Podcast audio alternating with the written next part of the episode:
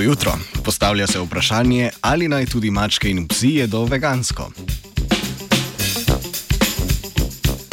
Brazilska raziskovalna skupina je v reviji Plus One objavila članek, v katerem so ocenili vsebnost hranil v veganski hrani za pse in mačke ter vpliv omenjene diete na njihovo zdravje. Analizirali so štiri pakete komercialne veganske hrane na brazilskem trgu ter preverili ustreznost njene aminokislinske, maščobno-kislinske in mineralne sestave.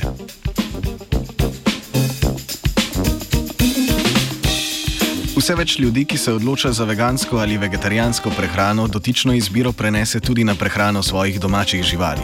Veganska prehrana lahko povzroči resne zdravstvene probleme, zlasti mačkam, ki v svoji prehrani nujno potrebujejo meso.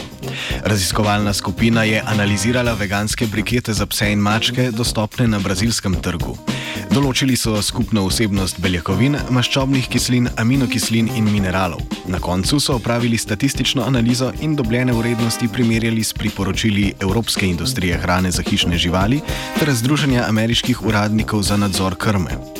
Vsi vzorci so imeli zadostno vsebnost makrohranil, a glede na priporočila je vsakemu primankovalo kalcija, kalija ali natrija.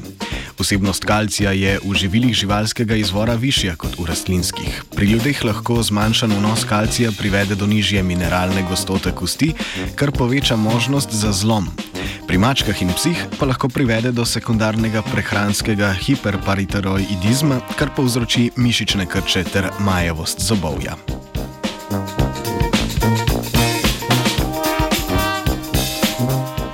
Vsi analizirani vzorci hrane so presegli priporočene vrednosti vsebnosti cinka in bakra. Bakar v presežku povzroča oksidativno škodo celicam, kar lahko vodi do težav z jetri. Prav tako ni bilo zadostne vsebnosti aminokisline taurin, ki je pomembna za delovanje srčne mišice. Za mačke je omenjena aminokislina nujno potrebna, saj igra pomembno vlogo pri prebavnem sistemu ter vidu. Strokovnjaki pa odsvetujejo nadomeščanje živalskih beljakovin s sojenimi, saj s tem primankuje taurina. Música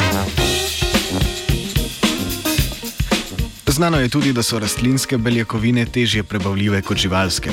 Tudi če je koncentracija hranil v veganski hrani za domače živali nad priporočili, še vedno obstaja tveganje za pomankanje zaradi njihove manjše prebavljivosti in biološke razpoložljivosti v živih, živa, živilih rastlinskega izvora. Zato strokovnjaki in strokovnjakinje priporočajo vegansko izbiro kot dodatek v obliki priboljškov, ne pa kot glavno prehrano psov in mačk.